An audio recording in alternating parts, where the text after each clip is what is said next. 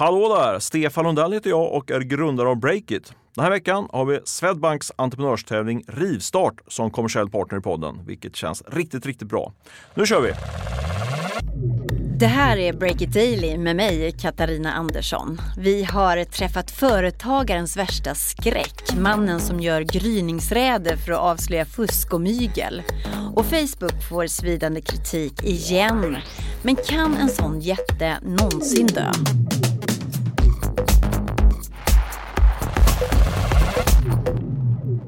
Igår avslöjade Breakit att svenska möbelhandlare misstänks ha myglat och gjort upp om priser. Den 29 maj i år genomförde en grupp från Konkurrensverket en så kallad gryningsräd hos e-handlarna i både Göteborg och Kalmar. I länder som Israel och Brasilien är tjänstemän från motsvarigheten till det svenska konkurrentverket utrustade med skottsäkra västar och vapen när de gör gryningsräder för att avslöja konkurrensfusk. Riktigt så går det inte till här hemma i Sverige. Här står det med stora bokstäver Konkurrensverket. Swedish Competition Authority. Hallå, hallå! Katarina, jag kommer från Breakits. Johan Sale är en av dem som leder gryningsräder runt om i Sverige. Ibland så många som tio per år, men vissa år inte en enda. Kommer du ihåg din första gryningsräd som du någonsin gjorde? Ja, det gör jag. Och det är nog ändå, ja det är ett bra tag sedan nu. Men jag tror att de flesta av oss som, som har varit ute på räder kommer nog ihåg sin första. För att det är ett, eh, en, en, en anspänning och ett litet adrenalinpåslag. För man vet ju inte riktigt vad som väntar när man kommer dit och knackar på. Gryningsräder tar alltså staten till för att samla bevis mot konkurrensfusk. Det är dagar och veckors förberedelse inför en räd där eh, vi försöker gå igenom saker in i minsta detalj. Teamet, som kan vara upp till åtta personer, slår ofta till på morgonen när folk just kommer till jobbet. De väntar utanför och försöker att inte sticka ut. Gömmer sig lite ibland till och med. Hittills har jag inte varit med om att vi har gömt oss bakom buskar men man kanske någon parkeringsplats eller vad det kan vara. Eh, och sen så ser man till att ha klockorna synkade.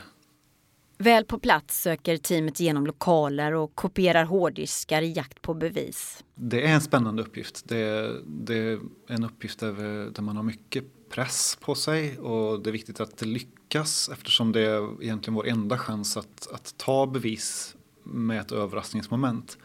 Arbetet kan ibland ta flera dagar och gruppen har en dresscode, ofta skjorta, slips och kavaj för att inge respekt, säger Johan Sale.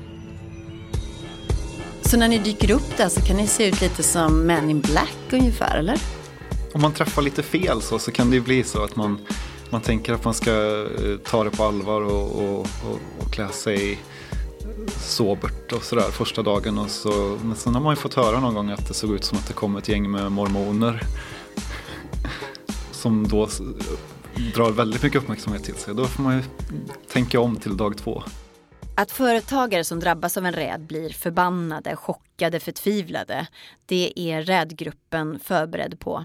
Man vill lugna personerna man pratar med, men man vill ju samtidigt inte trivialisera det. Man ska ju inte ge falska förhoppningar om att det inte är någon fara, för det är inte därför vi är där. Så det är en balansgång. Alla i gruppen har utbildning i rätt bemötande och ofta brukar det gå bra. Den gnissliga stämningen mellan räddteamet och företagen brukar gå över. När vi, när vi till slut går därifrån så brukar det vara gott humör i alla fall. Speciellt när vi går därifrån, då är alla glada för då, då blir av med oss. Strax ska vi prata om Facebook och en tom stol i London. Men först har Stefan Lundell ett litet budskap från vår sponsor Kreditupplysning. Okej, så du har en ny spännande affär på gång. Vad härligt. Men har du koll på din motpart? Kommer han eller hon kunna betala fakturan du just på väg och skicka iväg? Det är den här frågeställningen som kreditupplysning.se eh, ger dig svar på. Med ett företagsabonnemang hos kreditupplysning.se kan du se inkomst för privatpersoner helt anonymt. Du kan dela abonnemanget med kollegor på företaget utan att de här kan se vem du just har sökt på. Och råkar du stava fel eller bara skriva in delar av gatunamnet när du söker. Inga problem alls, denna marknadsledande sökmotor hittar rätt ändå. Så ge dig själv ett försprång med en riktigt bra kreditupplysningstjänst. Lycka till med dina affärer och läs mer om det här på kreditupplysning.se.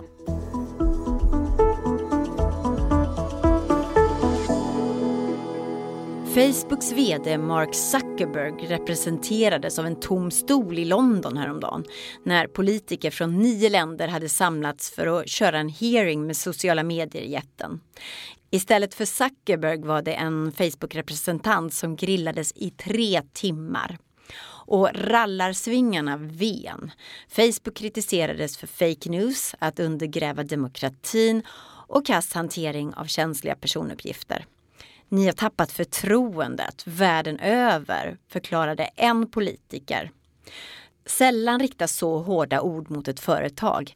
Erik Wisterberg som är reporter här på Breakit säger så här. Det är någon slags total imageförflyttning som har skett där man liksom, det känns inte som att det är Facebook som har förändrats utan det känns som att alla har liksom tittat på Facebook från ett håll och sen har man helt plötsligt gått och ställt sig på andra sidan så ser man en ful, smutsig baksida där som man inte tänkte på förut. Sen i somras har Facebook förlorat 39 procent i börsvärde och i långt över två år har skandal efter skandal drabbat företaget.